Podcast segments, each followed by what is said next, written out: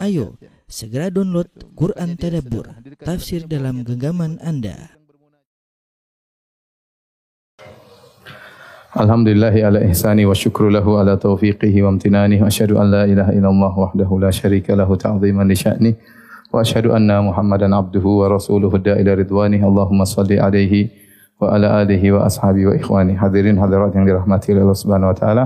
Kita masih melanjutkan tentang sejarah Bani Israel pada pertemuan terakhir bagaimana tentang uh, akhir daripada kisah Nabi Yusuf alaihissalam kemudian seluruh keluarganya Nabi Yakub dan istrinya dan anak-anaknya semua berpindah dari Palestin untuk tinggal di Mesir. Kemudian berjalan dengan waktu sampai tiba di zaman Nabi Musa alaihissalam. Nah, zaman antara Nabi Yusuf hingga Nabi Musa alaihissalam ini ada khilaf di kalangan para ahli tarikh ya. Ada yang mengatakan cuma satu kurun, ada yang mengatakan empat kurun ya. Tidak ada uh, penjelasan yang tegas ya. Intinya waktu yang cukup panjang antara zamannya Nabi Yusuf sampai Nabi Musa alaihissalam. Maka kemudian bergantilah pemerintahan dari suku Heksos menjadi suku Akbat. Sebagaimana pernah kita jelaskan pada pertemuan sebelumnya bahwasanya di zaman Nabi Yusuf yang memimpin adalah Al-Malik, raja. Jadi dia dari suku Heksos. Kemudian akhirnya terjadi pergejolak-gejolak dan akhirnya direbut oleh suku Akbat yang pemimpinnya disebut dengan Fir'aun. Semua raja suku Akbat namanya Fir'aun. Ya. Fir'aun itu ibarat gelar raja atau presiden atau uh, pemimpin dan yang lainnya. Uh, seperti pemimpin uh, Mesir namanya Fir'aun, pemimpin Romawi namanya Kaisar, ya. pemimpin Persia namanya Kisra, pemimpin Habasyah namanya uh, siapa namanya? Najasyi, Najasyi. Itu gelar. Nah, ketika Nabi Yusuf alaihissalam meninggal dunia, kemudian berubah pemerintahan, mulailah ya kemudian orang-orang Bani Israel diintimidasi karena mereka dikasih lahan khusus tempat mereka tinggal terpisah dengan suku Akbat. Mulailah mereka diintimidasi, diperbudak oleh Fir'aun dan bala tentaranya ya sampai uh, akhirnya Allah mentakdirkan lahirlah Nabi Musa alaihissalam. Disebutkan bahwasanya Fir'aun diberi umur panjang oleh Allah Subhanahu wa taala dan dia merasa tidak bakalan mati ya.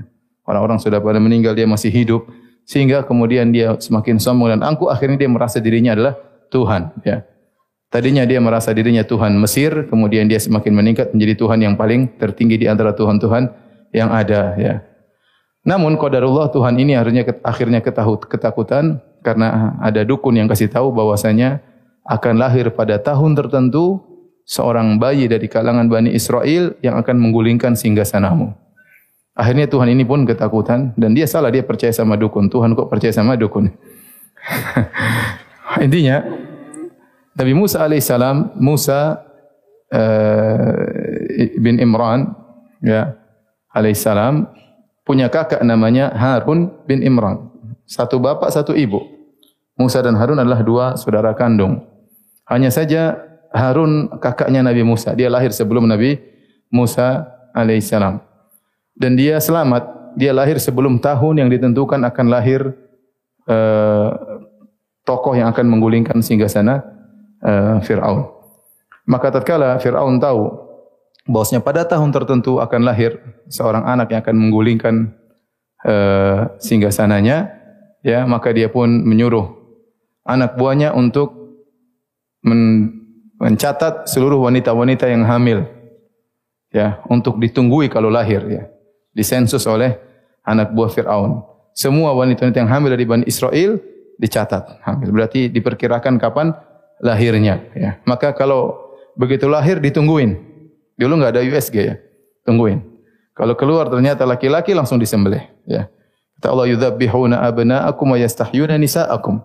Bahwasanya Fir'aun dan bala tentaranya mereka membunuh anak-anak laki-laki kalian dan mereka membiarkan hidup anak-anak perempuan ditunggu begitu lahir disembelih. Disebutkan bahwasanya tatkala ibunya dari Musa mengandung tidak ketahuan, perutnya tidak terlalu besar, tidak ketahuan sehingga dia lolos dari sensus yang dilakukan oleh uh, Firaun dan bala tentaranya. Akhirnya ibunya Firaun kemudian mengandung, akhirnya tiba saatnya eh, ibunya Nabi Musa mengandung dan akhirnya setelah sembilan bulan sembilan bulan tiba saatnya lahirlah Nabi Musa alaihissalam. Maka keluarlah Nabi Musa, mulailah Nabi Musa mengeluarkan suara namanya anak baru lahir dan ini sangat mengkhawatirkan ya. Maka ibunya pun ketakutan ya. Kata Allah Subhanahu wa taala an ardhi'i. Allah memberi ilham kepada Nabi ibunya Nabi Musa untuk menyusui Nabi Musa. Begitu lahir, segera disusui oleh ibunya dari Musa. Ini susuan ini ada manfaatnya. Sehingga Nabi Musa mengenal bagaimana rasa air susu ibunya. Ya. An ardi'i. Kemudian kata Allah, fa idza khifti ya kalau kau khawatir ya fa alqihi fil yammi. Lemparkanlah dia ke dalam uh, masukkan dalam keranjang dan lemparkanlah uh, ke dalam ke sungai sungai Nil ya wala tahzani la takhafi wala tahzani jangan kau takut jangan kau bersedih inna radduhu ilaiki wa ja'iluhu minal mursalin kata Allah kami akan mengembalikan putramu tersebut kepada engkau wahai sang ibunda dan kami akan menjadikan dia termasuk dari para rasul yang kami akan akan utus ya. Dalam ayat yang lain kata Allah Subhanahu wa taala id auhayna ila ummika ma yuha an ikdhifihi fit tabuti faqdhifihi fil yammi falyulqihi al yammu bis sahil ya'khudhu aduwwul li wa aduwwullah Kemudian kata Allah yang masukkan ke dalam keranjang maka dilemparkanlah Nabi Musa ya di atas sungai Nil maka berjalan Nabi Musa di atas sungai tersebut di atas uh, dalam keranjang tersebut. Subhanallah ternyata qadarullah Allah mentakdirkan imra'atu Fir'aun istrinya Fir'aun sudah lama menikah dan tidak punya anak sehingga dia punya kerinduan untuk memiliki seorang anak ya. Kemudian ternyata sungai Nil melewati pelataran si apa istana Firaun. Maka dari kejauhan istrinya Firaun melihat kok ada keranjang ya, berjalan di sungai Nil. Subhanallah, Allah yang jaga ya.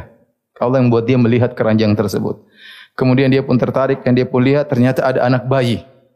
Ada anak bayi dalam keranjang tersebut. Kata Allah, wa alqaitu alaika mahabbatan minni. Kami lemparkan rasa cinta kepada dirimu wahai Musa. Semua orang lihat Nabi Musa jatuh cinta sama Nabi Musa alaihissalam. Termasuk istrinya Fir'aun. Begitu istrinya Fir'aun, ya, kata Allah, faltaqatahu alu Fir'auna liyakuna lahum aduan wa hazanan.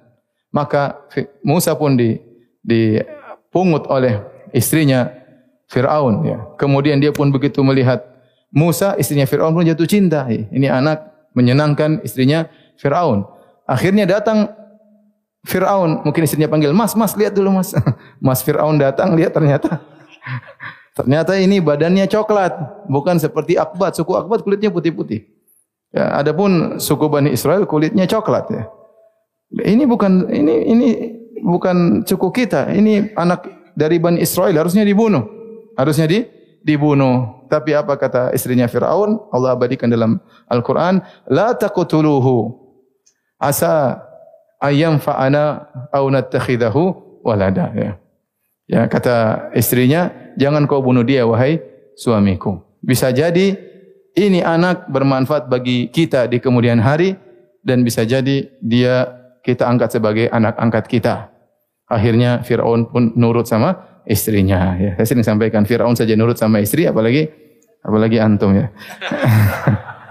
Ini Firaun yang bengis luar biasa sama istrinya. Mas jangan bunuh dia mas. Oh iya iya nah, nggak jadi. Masya Allah itu was Firaun yang ngaku sebagai apa? Tuhan ya. Ini pelajaran bagi jomblo ya. Jangan sedikit-sedikit ngomel-ngomel sama istri. Akhirnya Musa pun dipungut oleh istrinya Firaun. Dan ada khilaf. Siapakah istrinya Firaun ini? Sebenarnya ulama mengatakan dia bukan bukan Asia bintu Muzahim, sebenarnya ulama mengatakan dia lah Asia bintu Muzahim yang Allah sebutkan dalam surat At-Tahrim tentang istri Firaun yang beriman yang akhirnya meninggal disiksa oleh Fir'aun di kemudian hari karena beriman kepada Nabi Musa alaihi salam ya. Yang dirajikan oleh Ibnu Hajar rahimahullah dalam Fathul Bari dialah Im Asiyah bintu Muzahim yang kata Nabi wasallam eh, kamula minar rijal kathir banyak lelaki yang sempurna walam yakmul minan nisa adapun wanita yang sempurna tidak banyak di antaranya ya Asiyah bintu Muzahim di antaranya wanita yang sempurna adalah Maryam bintu Imran ya ini wanita-wanita yang sempurna. Di antaranya Asia bintu Muzahim. Dan ini dirajikan oleh Ibn Hajar. Dialah Asia bintu Muzahim yang akhirnya disiksa oleh Fir'aun. Intinya diambillah Musa, si kecil Musa, mulailah Fir'aun juga sayang karena Allah mengatakan wa alqaitu alaika mahabbatan minni. Akhirnya istrinya Fir'aun sayang, Fir'aun juga sayang, enggak punya anak diangkat jadi anak angkat. Tetapi Musa ternyata nangis. Musa ternyata nangis. Disebutkan dilepaskan di pagi hari. Musa dilepaskan di sungai Nil di pagi hari, mungkin ketemu di waktu duha sama istrinya Firaun, akhirnya Musa pun bikin heboh, nangis, dicarilah ibu-ibu untuk nyusui Nabi Musa. Datanglah seorang wanita nyusui, kemudian Nabi Musa enggak mau, enggak enak. Datang lagi yang lain enggak enak. Makanya Allah suruh pertama kali an ardai, susuin apa? Musa. Sehingga Nabi Musa sudah hafal rasa susu ibunya ya. Ini ini lain, enggak mau dari Musa enggak mau. Mereka bingung kata Allah, "Wa harramna 'alaihi al-maradi amin qabl." Kami jadikan Musa tidak bisa nyusu dari wanita manapun kecuali ibunya. Maka datang wanita berbondong-bondong nyusui karena mungkin dikasih gaji besar sama Firaun ternyata tidak ada yang bisa nyusui Nabi Musa. Akhirnya datanglah kakaknya Nabi Musa seorang perempuan yang dia dari kejauhan melihat ke mana perginya ya fa basurat apa anjunubin dia melihat dari jauh bagaimana uh, keranjang berjalan kemudian diambil oleh istrinya Firaun akhirnya tatkala heboh wanita-wanita di Mesir tidak bisa menyusui anak angkatnya Tuhan Firaun akhirnya dia mengatakan hal adullukum ala ahli baitin yakfulunahu ya maukah aku tunjukkan kepada kalian suatu keluarga yang bisa menyusui anak ini subhanallah ternyata siapa ibunya Kata Allah faraja'naka ila ummika kaita qarra ainuha wala tahzan. Kami kembalikan engkau kepada ibumu agar dia bahagia dan tidak bersedih. Di sore hari atau di siang hari Musa sudah kembali lagi ke pangkuan ibunya. Maka ibunya pun dibayar oleh Firaun untuk tinggal di istana untuk merawat siapa? Musa. Jadi subhanallah eh, ternyata ibunya Nabi Musa merawat Musa, anaknya sendiri bahkan dibayar. Bahkan tinggal di istana. Allah punya rencana, tidak ada yang yang tahu. Mereka tidak sadar bahwasanya ini singa yang mereka rawat akan memakan mereka di kemudian hari. Ya. Akhirnya Musa hidup, ya, dia anak bani Israel, tetapi hidup dalam kemewahan, makannya sehat, jadilah dia orang yang kuat. Ya. Seandainya dia tinggal sama ibunya, mungkin makannya sedikit, mungkin sakit-sakitan, ya, mungkin hidup dengan ketakutan, tapi Allah mentakdirkan lain. Jika Allah menghendaki sesuatu, maka Allah akan jalankan. Inna Allah latifun khabir. Allah latif. Allah jalankan dengan sesuatu yang tidak disadari oleh seseorang. Maka kemudian Nabi Musa pun tumbuh besar, akhirnya menjadi seorang yang kuat, sampai akhirnya terjadi suatu peristiwa.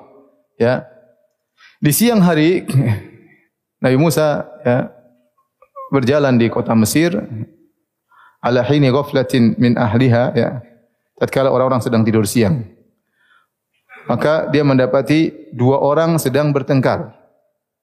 Ada min syiatihi wa hadha min aduwih. Ternyata ada seorang dari Bani Israel, dari sukunya Nabi Musa, bertengkar sama satu orang dari suku Akbat, Qibti, sukunya Fir'aun. Fastaghasahu alladhi min syiatihi ala alladhi min aduwih. Maka ternyata sukunya Nabi Musa minta tolong, wahai Musa, tolong saya. Nabi Musa terpancing, ya, karena ini sukunya, ya, Kemudian Nabi Musa pun menyerang lelaki dari suku Kipti tersebut. Ya, fawakazahu Musa faqadha alaih. Nabi Musa pukul orang itu langsung tewas. Nabi Musa ini terkenal sangat kuat. Padahal dia tidak bermaksud untuk membunuh. Mungkin dia dorong tapi saking kuatnya langsung mampus ya. ya langsung mampus. Makanya disebutkan waktu Nabi Musa alaihissalam uh, waktu dia mandi kemudian waktu dituduh dia apa namanya Bani Israel menuduh dia punya penyakit sekitar kemaluannya dan akhirnya Nabi Musa mandi di tempat lain. Allah kemudian Nabi Musa meletakkan bajunya di batu, ya. Sementara Bani Israel mandi di areal yang lain. Tiba-tiba batunya terus berjalan. Nabi Musa pun naik, tidak berpakaian sama sekali, mengejar batu tersebut. Waktu mengejar batu tersebut melewati murid-muridnya yang nuduh dia apa? Kemaluannya bermasalah ya. Ini kurang ajarnya Bani Israel. Ustadznya dituduh macam-macam. Intinya nanti akan kita sebutin insyaallah. Intinya Nabi Musa mengatakan, "Ya hajar saubi, ya hajar saubi, wahai batu, bajuku, bajuku." Batu jalan terus. Akhirnya Nabi Musa pukul. Pung, kelihatan bekas pukulan Nabi Musa di batu tersebut. Bayangkan betapa kuatnya Nabi Musa. Kalau kita mukul, kelihatan bekas batu di tangan kita. Intinya Nabi Musa, kalau mukul orang bisa langsung tewas. Buktinya, fawakasahu Musa faqada alaih. Dia mungkin cuma dorong orang tersebut langsung tewas. Oh, akhirnya dia ketakutan. Kemudian perkara disembunyikan Nabi Musa pun ya khaifan yatarakab maka dia pun khawatir ini apa, bagaimana? Memang tidak ada orang sekarang khawatir nanti terjadi sesuatu. Jangan-jangan ini kabar tersebar sampai ke Firaun, ya akan terjadi masalah. Kemudian keesokan harinya terjadi kasus yang sama. Ya, faizal ladzi faizal ladzi istansara bil amsi yastasrikhu. Tiba-tiba masalah lagi. Teman Musa yang kemarin ini cari masalah lagi sama sama suku Kipti yang lain. Mungkin ini Bani Israel yang nakal ya. Jadi cari gara sama sama suku sukunya Firaun. Maka kemudian dia minta tolong lagi kepada Musa. Nabi Musa berkata, "Innaka lagawiyyun mubin." Kau telah menyesakan menyesakan saya. Tapi kau minta tolong akhirnya Musa terpancing lagi. Falamma arada an yabtisha billadhi huwa adu lahuma. Nabi Musa pun datang kepada suku Kipti mau dia pukul. Ini mati langsung nih kalau kena. Akhirnya suku Kipti ini ketakutan dia berkata, "Ya Musa, aturidu an tuqtulani kama qatalta nafsan bil ams?" Wahai Musa, kau ingin bunuh saya lagi? Sebagaimana kau telah bunuh orang kemarin. Uh. Berarti berita dia membunuh orang sudah tersebar seantero suku Akbat. Waduh, gawat ini. Dia pikir tertutup kasus ini. Ternyata ini orang pun tahu. Maka dia mengatakan, Aturidu antaktulani kama kotel nafsan bil ams. Kau ingin bunuh saya sebagaimana kau bunuh orang kemarin? Ya. Akhirnya Nabi Musa bingung mendengar pernyataan tersebut. Tiba-tiba wajah arrojulun min aqsal madinati yas'a. Tiba-tiba ada seorang datang dari tempat yang jauh terburu-buru menuju Nabi Musa. Siapa orang tersebut Allah tidak sebutkan. Yang penting orang ini menolong Nabi Nabi Musa. Kata para ulama ini contoh bahwasanya seorang berbuat baik tidak harus dikenal. Tidak harus dikenal siapanya. Yang penting apa yang dia bikin. Maka Allah abadikan perbuatannya. Waja'a rajulun. Datang seseorang. Allah tidak sebut namanya. Siapa dia. Min aqsal madinah. Dari ujung kota. Yas'a berusaha. Ya Musa. Innal mala'a ya'tamiru nabika liyaqtuluk. Maka dia mengatakan. Wahai Musa. Sungguhnya orang-orang sedang berkumpul untuk membunuhmu. Fakhruj Keluarlah kau dari kota ini. Inilah kaminan nasihin. Sungguh saya benar-benar menasihati engkau. Jangan sampai kau ditangkap dan dibunuh oleh orang-orang Mesir, suku Akbad. Kata Allah, فَخَرَجَ مِنْهَا خَائِفًا يَتَرَقَّبْ Maka Nabi Musa pun ketakutan, dia pun lari dari kota Mesir tanpa persiapan, tanpa bawa bekal, kemudian menempuh perjalanan jauh menuju negeri Madian, tidak bawa bekal, melewati padang pasir, sampai disebutkan dia pun memakan daun-daun yang ada di tengah jalan, di pohonan, ya. Kemudian akhirnya sampailah dia di negeri Madian. Ya, kata Allah Subhanahu wa taala, "Walamma warada ma'a Madyana wajada wajada alaihi ummatan minan nas." Tatkala Musa dalam kondisi lapar, dalam kondisi letih, kemudian dia sampai di negeri Madian, dia dapati sumber air di sana, orang-orang sedang kumpul ngambilin air. Wa wajada min dunihim imra'ataini ra'ataini tadhudan, imra'ataini tadhudan. Dan di antara orang-orang tersebut Nabi Musa mendapati ada uh, dua wanita yang sedang menghalang-halangi kambing mereka. Orang-orang sedang ambil air, dua wanita ini tidak mengambil air. Maka Nabi Musa pun berkata kepada mereka, "Qala ma khatbukuma?" Ada apa dengan kalian? Kenapa kalian di sini? Qala la nasqi hatta yusdira ar-ri'a wa abuna syekhun kabir. Kata mereka berdua, kami tidak bisa mengambil air sampai para laki-laki pergi dulu. Kenapa? Karena bapak kami sudah tua, enggak bisa ngambil ngambil air. Fasaqalahuma. Maka Nabi Musa pun ambilkan air buat mereka berdua. Summa tawalla idzal kemudian dia pun bersandar di bawah sebuah pohon berbaring. Kemudian dia berdoa rabbi inni lima anzalta min khairin fakir ya Allah aku butuh kebaikan dari engkau kata para ulama Nabi Musa lapar ya saking laparnya sampai disebutkan badan beliau kelihatan hijau karena terlalu banyak daun yang beliau makan perhatian di sini bahwasanya dua wanita ini ya eh, tidak gabung sama laki-laki. Mereka berdua menjauh dan ini menunjukkan mereka tidak suka dengan ikhtilat, percampuran laki-laki dengan perempuan. Dan ini juga menunjukkan bahwasanya penduduk negeri tersebut penduduk yang buruk, harusnya perempuan didahulukan. Mereka tidak peduli dengan dua perempuan tersebut. Harusnya perempuan cuma dua orang kasih sudah pulang biar kita yang ngantri. Tapi mereka tidak, mereka biarin perempuan dua tersebut nunggu sampai mereka selesai. Menunjukkan mereka akhlaknya akhlaknya buruk para penduduk di negeri Madian. Akhirnya Nabi Musa membantu sang wanita, ya. Kemudian Nabi Musa mengambilkan air, ya disebutkan wanita tersebut hanya mengambil air yang tumpah-tumpah bekas dari sumur tersebut. Kambing mereka minum dari bekas-bekas air yang tumpah-tumpah karena mereka tidak kuat untuk membuka tutup sumur tersebut. Karena sumur, sumur tutup sumur tersebut hanya bisa diangkat oleh enam orang atau delapan orang atau berapa orang.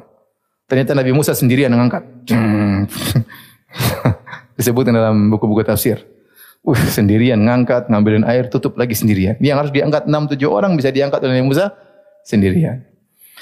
Setelah itu Nabi Musa dan ini dalil bosnya boleh berbicara dengan wanita kalau ada keperluan ya apalagi dalam rangka membantu. Nabi Musa tidak mengharap apa-apa. Kemudian wanita tersebut pergi. Nabi Musa pun berbaring di bawah sebuah pohon. Kelaparan bingung mau minta makan sama siapa. Enggak ada temannya sama sekali. Dia orang asing di situ ya. Mau WhatsApp siapa? Enggak ada yang di WhatsAppin akhirnya tatkala Nabi Musa sedang berbaring tiba-tiba salah seorang dari dua wanita tersebut datang. Fajaat ihdahuma tamshi ala istihya. Tiba-tiba datang salah seorang dari dua wanita tersebut datang dengan malu-malu menuju Nabi Musa. Dia berkata, "Inna abi yad'uk liyajziyaka ajra ma saqaita lana." Wahai Musa, sungguhnya bapak kami mengundangmu ke rumah untuk memberi upah atas perbuatan baikmu kepada kami. Ya, Nabi Musa mau, lapar dia. Yang dia bilang, enggak, saya ikhlas, enggak, enggak. lapar. Jadi kata para ulama kalau seorang ya tatkala beramal soleh niatnya ikhlas tidak mengharap dunia, tahu-tahu Allah kasih dunia tidak apa-apa dia terima. Ya, tetapi dia berusaha tatkala dia beramal soleh niatnya bukan untuk apa? Dunia. Adapun dunia datang setelah itu dia terima seperti Nabi Musa alaihissalam ya. Dia lapar mau apa apa boleh buat. Dia undang mungkin ini dikabulkan doa oleh Allah Subhanahu wa taala maka dia pun berangkat bersama wanita tersebut menuju rumah bapaknya. Akhirnya ya uh,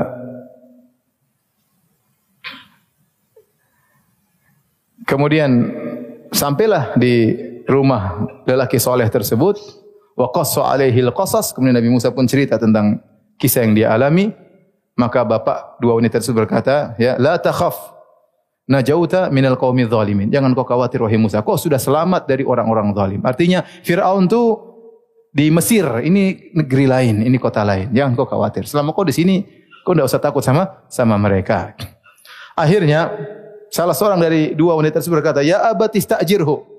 Inna khairaz khaira man istajart al-qawiyul amin." Kata seorang dari dua wanita tersebut, "Ya ayahanda, pekerjakanlah dia." Sungguhnya orang yang terbaik untuk menjadi pekerja adalah al-qawi al-amin, yang kuat dan amin, terpercaya. Dan ini butuh qawi kuat maksudnya ahli, pada bidangnya amin terpercaya amanah. Kalau pekerja terkumpul dua ini ahli dan amanah maka pekerjaan akan jalan. Tapi kalau cuma salah satunya enggak jalan. Cerdas, pintar tapi enggak amanah. Pintar maling juga. Pintar korupsi, pintar ngambil uang rakyat dan yang lainnya. Sebaliknya kalau amanah tapi bahlul repot juga. Enggak jalan proyek. Ya. Kenapa? Dia enggak punya ilmu untuk menjalankannya. Maka terkumpulkan pada Nabi Musa dua sifat. Al-qawi wal amin. Al-quwah wal amanah. Taib timbul pertanyaan, dari mana perempuan ini tahu Nabi Musa kuat dan amanah? Adapun kuat ketahuan dari ngangkat apa? Tutup sumur. Kuat Nabi Musa harusnya diangkat enam orang diangkat sendiri. Dari mana dia tahu Nabi Musa amanah? Banyak di antaranya Nabi Musa waktu ngobrol sama mereka bukan bicara dengan menggoda, bukan bicara dengan uh, senyum-senyum atau ketawa ketiwi atau yang lainnya. Tidak, tidak mengatakan, "Ukti tinggal di mana, Ukti?" Enggak. Enggak, ada apa? Ada apa kok di sini? Eh, gitu aja ngomong to the point, tidak ada urusan kemudian ngalor ngidur ngalor enggak ada. Ada keperluan selesai menunjukkan dia amanah. Kemudian di antaranya kata para ahli tafsir juga waktu Nabi Musa menuju ke rumah ke rumah mereka, Nabi Musa jalan di depan, itu perempuan jalan di belakang. Nabi Musa tidak ingin perempuan itu di depan karena kalau di depan dia bisa melihat tubuh wanita tersebut, lengkuk-lengkuk tubuhnya, maka Nabi Musa tidak mau di belakang, dia mau di depan, perempuannya di belakang. Jadi kalau belok kanan, dia tinggal lempar kerikil ke kanan, Nabi Musa belok kanan. Belok kiri, tinggal lempar kerikil ke kiri. ya Sampai tiba di rumahnya. Ini dalil bahwasanya Nabi Musa apa? Amanah. Akhirnya, sang bapak melihat ada lelaki soleh, maka dia pun tawarkan untuk menikahi salah seorang putrinya. Ini uridu an unki haka ihda benataya hataini ala anta jurani thamaniya hijaj. Fa in atmamta ashran fa min indik. Ya, kata dia wahai Musa, aku ingin menikahkan engkau dengan salah seorang dari dua putriku. Maharnya kau jadi pekerja di ladang kami pengembala kambing selama delapan tahun. Kalau kau mau sepuluh tahun juga oke. Okay. Subhanallah. Ayyamal ajalain qadait. Ya. Kata Nabi Musa terserah saya, saya mau 8 atau 10. Namun kata para ulama, bahwasanya Nabi Musa mengambil yang 10, 10 tahun. Maka Nabi Musa pun terima pernikahan tersebut. Maka kerjalah dia menjadi penggembala kambing selama berapa tahun? 10 tahun. Ajib waktu Nabi SAW berjalan bersama para sahabat. Kemudian Nabi melihat sebagian kayu siwak yang bagus. Maka mereka bertanya para sahabat, Ya Nabi, Ya Rasulullah, bagaimana kau tahu siwak ini bagus? Seakan-akan kau pernah tinggal di Badia atau pernah mengembalakan kambing. Kata Nabi, benar, saya pernah mengembalakan kambing. Dan tidak seorang Nabi pun kecuali pasti mengembalakan apa? Kambing. Nabi Musa yang hidup di istana raja, enggak mungkin gembala kambing, enggak mungkin. Dia anak raja, anaknya Tuhan bahkan. Tuhan Fir'aun Bahlul ya. Anak anak raja. Tetapi Allah mentakdirkan dia bakalan mengembalakan kambing, Allah punya skenario sendiri. Akhirnya dia pergi ke Madian dan akhirnya gembala kambing bahkan cuma bukan setahun dua tahun, delapan tahun atau sepuluh 10 tahun. Dia bayar mahar. Ini menunjukkan ikhwan bahwasanya tali pernikahan itu berat. Mithaqan ghalidha. Janji yang berat sampai mahar ditempuh oleh Nabi Musa 10 tahun dalam rangka untuk menunaikan akad nikah tersebut. Kemudian kata para ulama, setelah 10 tahun berlalu, falamma qadal ajal, tatkala sudah selesai 10 tahun, kemudian dia pun rindu untuk pulang ke Mesir. Timbul kerinduan dari Nabi Musa untuk pulang ke Mesir. Mungkin ingat ingat keluarganya, ingat ibunya, ingat kakaknya, kerabatnya semua di sana, maka dia ingin tengok. Dan dia berharap 10 tahun sudah berlalu, semoga kasus sudah ditutup, ya, sudah di apa namanya istilahnya? dipetieskan, sudah tidak diungkit-ungkit lagi. 10 tahun sudah lama, cukup lama ya. Akhirnya Nabi Musa berjalan diam-diam menuju ke Mesir Sarobi ahlihi. Maka dia pun berjalan bersama istrinya menuju kota Mesir. Tatkala dia berjalan di musim dingin. Ya. Kata Allah wahla ta ka hadis Musa, "Idh ra'a naran faqala li ahlihim kuthu inni anastu nara la'alli atikum minha biqabasin aw ajidu 'ala an-nari huda." Tiba-tiba di tengah perjalanan Nabi Musa merasa kayak ada api dari kejauhan. Istrinya mungkin enggak lihat tapi dia melihat.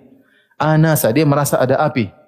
Dan dia sayang sama istrinya. Dia bilang, "Um kusi" dalam ayat yang lain, "Dial kau di sini ya." Diamlah kau di sini, aku akan ambilkan air. La Allah kumtas akan ambilkan api. La Allah kumtas tolun supaya kau bisa merasakan kehangatan. Itu namanya sayang sama istri. Ya. Jangan bilang istri, ambilkan selimut, ambilkan selimutnya. Ini suaminya yang ambilkan selimut, nyelimutin siapa?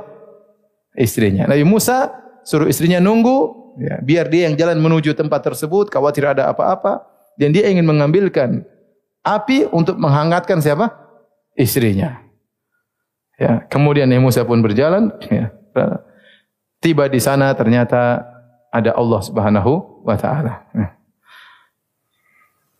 Kemudian Allah berkata, ya, ataka hadithu Musa idh ra'a naran faqali ahliku ya, faqali ahliku inni anastu naran ali atikum minha biqabasin aw ajrun ala nari huda falamma ataha nudiya ya Musa inni ana rabbuka fakhla'na 'alaika innaka bil wadil muqaddasi tuwa Wa ana akhtartuka fastami' lima yuha. Tiba-tiba Allah berbicara kepada Nabi Musa. Dan inilah istimewanya Nabi Musa disebut dengan kalimullah. Yaitu Allah berbicara langsung dengan Nabi Musa. Yang kata Allah subhanahu wa ta'ala, Ya Musa, inni stafaituka ala nasi birisalati wa bikalami. Ya Allah, ya wahai Musa, aku Allah telah memilihmu di antara sekian manusia untuk kau aku jadikan rasul wa bikalami dan aku berbicara langsung dengan engkau. Artinya tidak semua rasul Allah berbicara langsung. Di antara rasul-rasul yang Allah berbicara langsung di antaranya siapa? Nabi Musa. Ya. Maka Allah berkata, Inni ana rabbuka, fakhla na'laik. Aku adalah Tuhanmu. Ya, fakhla na'laik, bukalah kedua sendalmu. Inna kabil wadil muqaddas yutuwa. Sungguhnya kau sedang berada di suatu lembah yang suci. Wa ana akhtartuka, fastami' lima yuha. Dan sungguh engkau telah, telah kami pilih, telah aku pilih. Kata Allah subhanahu wa ta'ala. Fastami' lima yuha. Maka dengarkanlah apa yang akan diwahyukan kepadamu. Allah suruh Nabi Musa siap-siap untuk mendengar wahyu. Innani ana Allahu la ilaha illa ana. Fa'budni wa aqimi salata li dzikri. Sungguhnya aku adalah Allah, tidak ada yang berhak disembah kecuali aku. Ya, maka sembahlah aku dan dirikan salat untuk mengingatku. Seluruh anbiya mereka wajib untuk salat. Syariat salat berlaku pada seluruh nabi, ya. Uh, Fa'budin wa aqimi salata li dzikr. Inna sa'ata atiyatun akadu ukhfiha litujza kullu nafsin bima tas'a. Fala yasuddanna ka'anha ma la yu'minu bihi wa tabaha wa tarda. Kata Allah Subhanahu wa taala, "Wa ma tilka bi ya Musa?" Mulailah Allah bicara Nabi Musa karena Allah ingin mengutus Nabi Musa kepada Firaun, maka Allah ingin siapkan mukjizat kepada Nabi Musa. Mukjizat tersebut berkaitan dengan tongkatnya. Maka Allah berkata, "Wa ma tilka bi ya Musa?" Apa yang ada di tangan kananmu ya wahai Musa? Tentu Allah tahu itu tongkat. Allah berbicara Nabi Musa. Nabi Musa mulai semangat cerita. Qala hiya asaya atawakka'u 'alaiha wa ahushu bihi biha 'ala ghanami wa li fiha ma'aribu ukhra. Ya Allah ini tongkat, tongkat kesayanganku intinya begitu. Ini tongkat, ini enggak punya harta, cuma punya apa? Tongkat. Ya, qala hiya asaya, ini adalah tongkatku. Atawakka'u 'alaiha, aku bertelekan di atasnya. Wa ahushu bihi 'ala ghanami. Aku ngurus kambing-kambingku dengan apa? Tongkatku. Wa li fiha ma'aribu ukhra dan ada kebutuhan-kebutuhan lain yang aku juga gunakan dengan tongkatku. Setelah Nabi Musa semangat jawab, Allah berkata, "Qala alqiha ya Musa." Lemparkan tongkat itu wahai Musa. Fa alqaha fa idha hiya hayyatun tas'a. Tatkala Nabi Musa lempar tiba-tiba tongkat tersebut berubah menjadi menjadi ular. Dalam ayat yang lain, ya. Falamma ra'aha tahtazzu ka'annaha jan, ya. Tatkala Nabi Musa melihat tongkat tersebut maka bergerak dengan geliat tongkat tersebut ular yang bergerak. Apa yang terjadi? Walla mudbiran walam yuaqib. Nabi Musa langsung begitu lihat tongkat jadi ular, dia langsung balik, dia kabur ya. Jadi bukan mundur, bukan enggak. Langsung balik kabur. Saking takutnya padahal badannya kuat. Tapi melihat ular besar, Nabi Musa kata Allah, "Walla, walla itu bukan mundur begini, tapi langsung balik, langsung apa? Kabur saking takutnya. Allah bilang, "Ya Musa, aqbil, wahai Musa, balik kamu sini." La takhaf, jangan kau takut. Innaka minal aminin. Sungguhnya kau termasuk orang-orang yang aman. Jangan khawatir. Ya. Kata Allah, khuzha wa la takhaf. Bukan cuma suruh balik. Allah bilang, ambil tu ular. Waduh. Disuruh ambil ular tersebut. Wah ini. Ini. Sebenarnya ini kata para ulama, briefing kepada Nabi Musa. Karena ini mukjizat mau dipaparkan di hadapan Fir'aun. Kalau Nabi Musa belum latihan, kemudian lempar jadi ular, Nabi Musa kabur, wah. Buyar semua ceritanya. Oh, enti aja kabur. Makanya perlu latihan. Semua itu perlu persiapan. Dakwah perlu persiapan. Semuanya perlu. Ya Nabi Musa aja latihan dulu. Allah kasih latihan. Ya. Khudha wa la takhaf. Sanu'iduha siratahal ula. Ambil itu tongkat. Jangan kau takut. Kami akan ulangi lagi kejadian ini. Saat kau bertemu dengan siapa? Fir'aun. Kemudian kata Allah, "Wat mum yadaka ila janahika takhruj baydha'a min ghairi su'in ayatan ukhra." Masukkan kau ketakutan, masukkan tanganmu di dadamu kau akan keluarkan bayadha berwarna putih ayatan ukhra. Dia tubuhnya bercoklat tapi keluar seperti cahaya. Ini adalah mukjizat yang yang kedua yang akan kau paparkan di hadapan Firaun. Kemudian kata Allah Subhanahu wa taala idhhab ila fir'auna innahu tagha. Wahai Musa kau seorang rasul pergilah kepada Firaun. Sungguhnya dia telah melampaui batas. Wah ini ujian berat. Nabi Musa ini kabur dari Firaun. Sekarang suruh balik kepada siapa Fir'aun ya. Oh, dia ini kabur selama ini. Sekarang suruh balik kepada Fir'aun. Tapi karena yang perintah Tuhan, Nabi Musa mau apa lagi? Maka jadi dia mengatakan, ya, ya Allah aku takut. Ya, ya apa qataltu minhum nafsan wa akhafu ay yaqtulun. Inni qataltu minhum nafsan wa akhafu ay yaqtulun. Ya Allah, aku telah membunuh salah seorang dari mereka dan aku khawatir mereka bunuh aku. Nabi Musa takut atau tidak? Takut. Maka Nabi Musa pun berdoa kepada Allah dengan doa yang masyhur, Rabbi shrah li sadri wa yassir li amri wa hlul 'uqdatam min lisani yafqahu qawli. Artinya ya Allah, lapangkanlah dadaku. Wa yassir li amri, mudahkanlah urusanku. Yang paling penting dada itu lapang. Apapun yang terjadi kalau dada itu lapang mudah untuk dihadapi.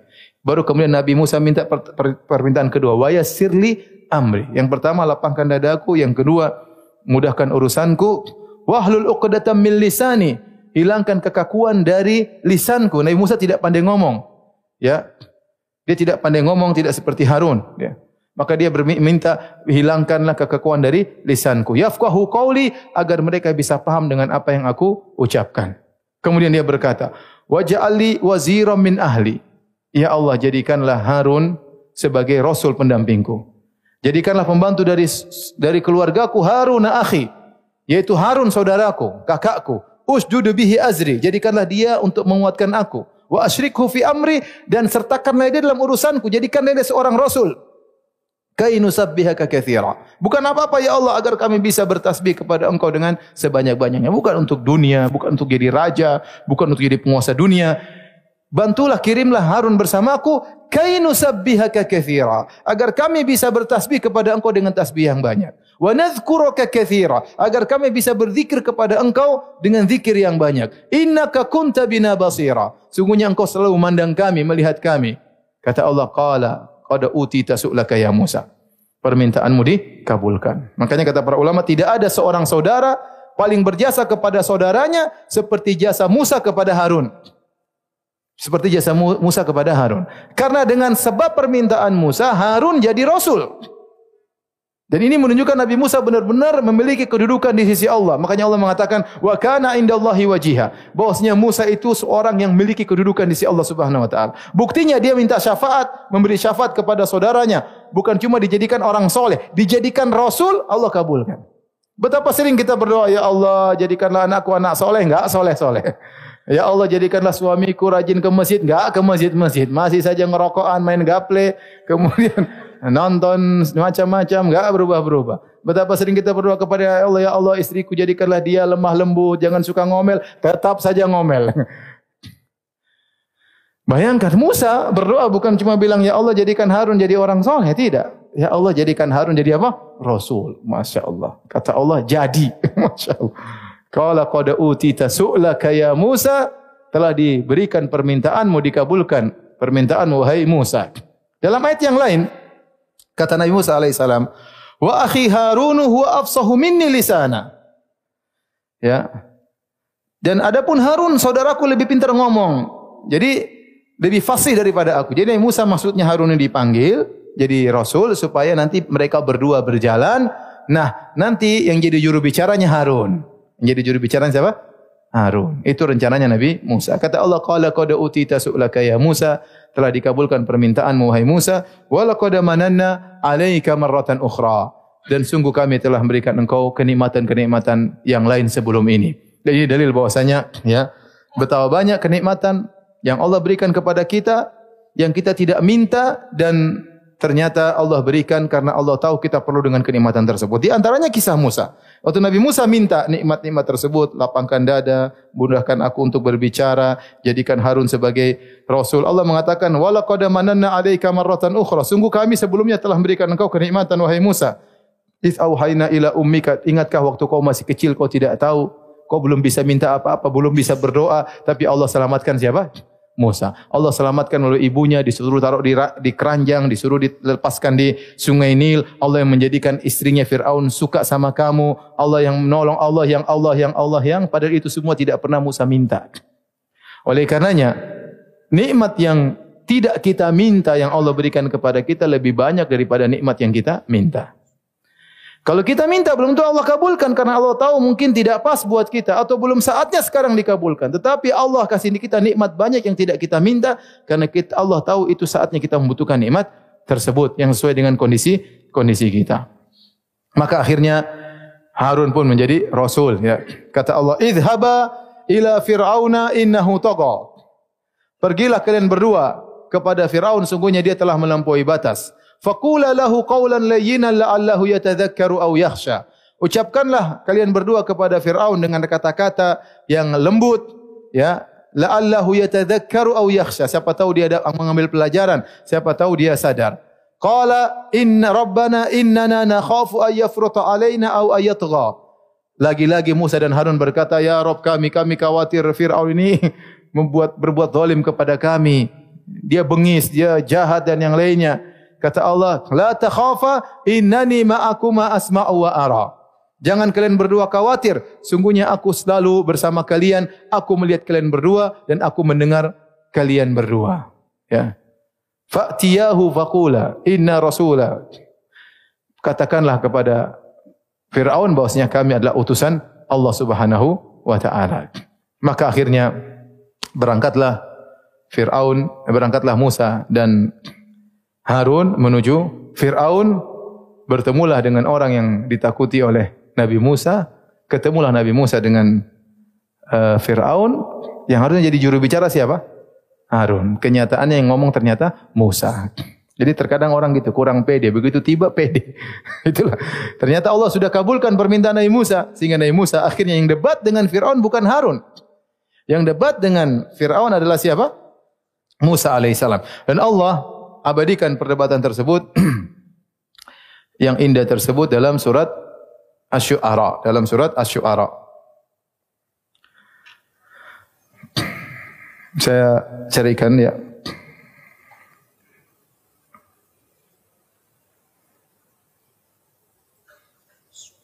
Surat ke-26 ya.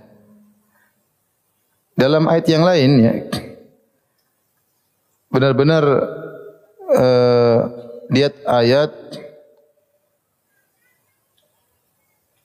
ayat 17 ayat 16 ayat 17 16 ayat 17 ya. Kata Allah Subhanahu wa taala surat 26 ayat 16 fa'tiya fir'auna faqula inna rasulu rabbil alamin. Datanglah kalian berdua kepada Firaun dan sampaikanlah bahwasanya kami berdua adalah utusan penguasa alam semesta ini. An arsil ma'ana bani Israel. Lepaskanlah bani Israel kepada kami. Jangan kau belenggu, jangan kau perbudak, jangan kau siksa. Biarkanlah mereka pergi bersama kami. Jangan disiksa bani Israel. Maka Fir'aun berdebat dengan Musa. Ingat di sini Allah menyuruh Musa berkata dengan kata-kata yang apa? Yang lembut. Karena masing-masing kita berbicara dengan orang, orang itu punya kedudukan. Kalau dia raja, kalau dia presiden, kalau dia penguasa, tidak boleh dengan kata-kata kasar. Tujuan kita agar dia sadar, agar dia menjadi lebih baik. Dan ini tidak ada yang lebih jahat daripada Fir'aun. Ya. Itu pun Nabi Musa disuruh untuk berkata-kata yang yang baik. ya. Karena yang dihadapi adalah Fir'aun. Jadi masing-masing orang ada cara kita berbicara dengannya. Mungkin orang biasa lain lagi, anak-anak lain lagi, penguasa lain lagi. Ya. Tidak disamakan cara kita berdakwah kepada kepada mereka. Masing-masing punya fun, punya uh, metode tersendiri. Oleh kerana orang masuk dalam dakwah dia harus punya ilmu tentang bagaimana asnafal madu'in, tentang orang-orang yang dia hadapi. Tidak sama dia berhadapan dengan anak SD, dengan anak SMP, dengan orang baru sadar, orang baru hijrah, dengan orang yang sudah lama, penguasa, orang biasa, bos, orang miskin, semuanya ada caranya dalam menghadapi mereka tidak boleh dipukul rata. Jangan dikatakan yang penting sampaikan dalil selesai. Enggak. Allah tidak mengatakan, wahai Musa, sampaikan saja. Kalau mati, mati tidak apa-apa. Enggak. Allah mengatakan, sampaikan kata-kata yang baik. Siapa tahu dia sadar. Siapa tahu dia sadar. Karena tujuan kita berdoa bukan untuk hanya sekedar menyampaikan hujah selesai urusan. Yang penting saya sudah sampaikan hujah di hadapan Allah. Tidak. Tujuan kita dakwah agar terjadi kebaikan. Nah, harus ada metode yang ditempuh. Perlu persiapan. Bagaimana berhadapan dengan orang penguasa misalnya. Taib. Mulailah ketemu Nabi Musa dengan Fir'aun ditemani Harun. Ternyata pembicaraan terfokus antara Fir'aun dengan Musa. Karena jadi masalah Musa. Harun ini cuma orang biasa. Diangkat menjadi Rasul. Yang anak angkat siapa? Musa. Yang selama ini hidup mewah di istana Fir'aun siapa? Musa. Yang selama ini dicintai oleh Fir'aun siapa? Musa.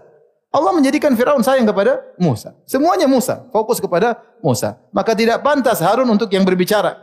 Berbicara harus siapa? Musa. Maka lihat Firaun pintar bicara. Firaun ini pintar ya. Dia berkata, "Alam nu rabbika fina walidan wa labista fina min umrika sinin." Wahai Musa, kau mau dakwai saya? Bukankah dulu kau anak angkatku? Saya yang mentarbiah kamu, saya yang merawat kamu ketika kau masih kecil, ya. Walabis tafina dan kau hidup lama bersama kami di istana kami. Ya. Jadi Fir'aun mengungkit-ungkit kebaikannya. Azan ya? Taib azan aja. Atau kita tunda ini lah. Ini panjang ya. Yang mau bertanya saya persilakan. Taib ini banyak pertanyaan. Ustadz kalau boleh usul mohon buat kajian rutin ahad pagi di Masjid Nurul Iman Blok M membahas kitab-kitab karya Ustaz seperti kitab Tauhid ya. Uh, nanti ditampung. Mudah-mudahan ada kesempatan. Pertanyaan berikutnya, bagaimana proses pembicaraan Allah Subhanahu wa taala dengan Nabi Musa? Apakah melalui media atau yang lainnya? Mohon detailnya Pak Ustaz. Ya Allah berbicara langsung dengan Nabi Musa tanpa melalui malaikat, ya. Kalau melalui malaikat maka itu tidak spesial bagi Nabi Musa alaihissalam ya. Makanya kan Allah mengatakan wa kallamallahu Musa taklima. Dan Allah berbicara dengan Nabi Musa dengan pembicaraan yang sungguh-sungguhnya. Kalau orang ngerti bahasa Arab tahu taklima di situ adalah uh, masdar untuk menekankan, litakid untuk menekankan. Kalau kita artikan dalam bahasa Arab, wa kallamallahu Musa taklima, sungguh benar-benar Allah berbicara dengan Nabi Musa. Kalau ternyata Allah berbicara lewat malaikat, Allah berbicara lewat pohon misalnya, atau burung yang mengantarkan bicara Allah, makanya tidak disebut dengan berbicara dengan sesungguh-sungguhnya. Ya, maka Musa menjadi spesial karena Allah berbicara langsung dengan Nabi Musa. Makanya tatkala Nabi Musa merasa kelezatan berbicara dengan Allah, Nabi Musa ingin lihat Allah. Maka Nabi Musa mengatakan, Rabbi arini anzur ilaik. Ya Allah, aku ingin lihat engkau. Ya, aku ingin lihat engkau. Karena kata para ulama, Nabi Musa rindu ingin bertemu dengan Allah. Sudah dengar bicaranya, ingin lihat zat Allah Subhanahu wa taala tapi kata Allah kau tidak mampu melihatku. Nabi Musa kemudian pingsan tatkala uh, tajalli Allah Subhanahu wa taala. Pertanyaan berikutnya, ibunya Nabi Musa pada waktu disuruh menghanyutkan Nabi Musa ke sungai Nil melalui mimpi atau dalam keadaan sadar? Wallah alam bisawab, apakah melalui mimpi ilham atau dengan bisikan atau dengan mengutus malaikat ya? tidak dijelaskan secara detail oleh Allah Subhanahu wa taala. Yang jelas ibunya Nabi Musa bukanlah seorang nabi perempuan. Sama seperti uh, Maryam, Isa bin Maryam, Maryam juga didatangi oleh malaikat apa? Jibril ya. Tetapi tidak menjadikan Maryam sebagai nabi uh, perempuan karena nabi tidak ada perempuan. Nabi cuma apa? Laki-laki. Illa rijalan. Tidaklah kami mengutus kecuali para lelaki. Adapun proses bagaimana dia mendapatkan ilham dari Allah apakah dengan mimpi ataukah ada suara ataukah lewat malaikat wallahu alam bisawab tidak dijelaskan dengan detail. Apakah berdosa jika tidak bermazhab?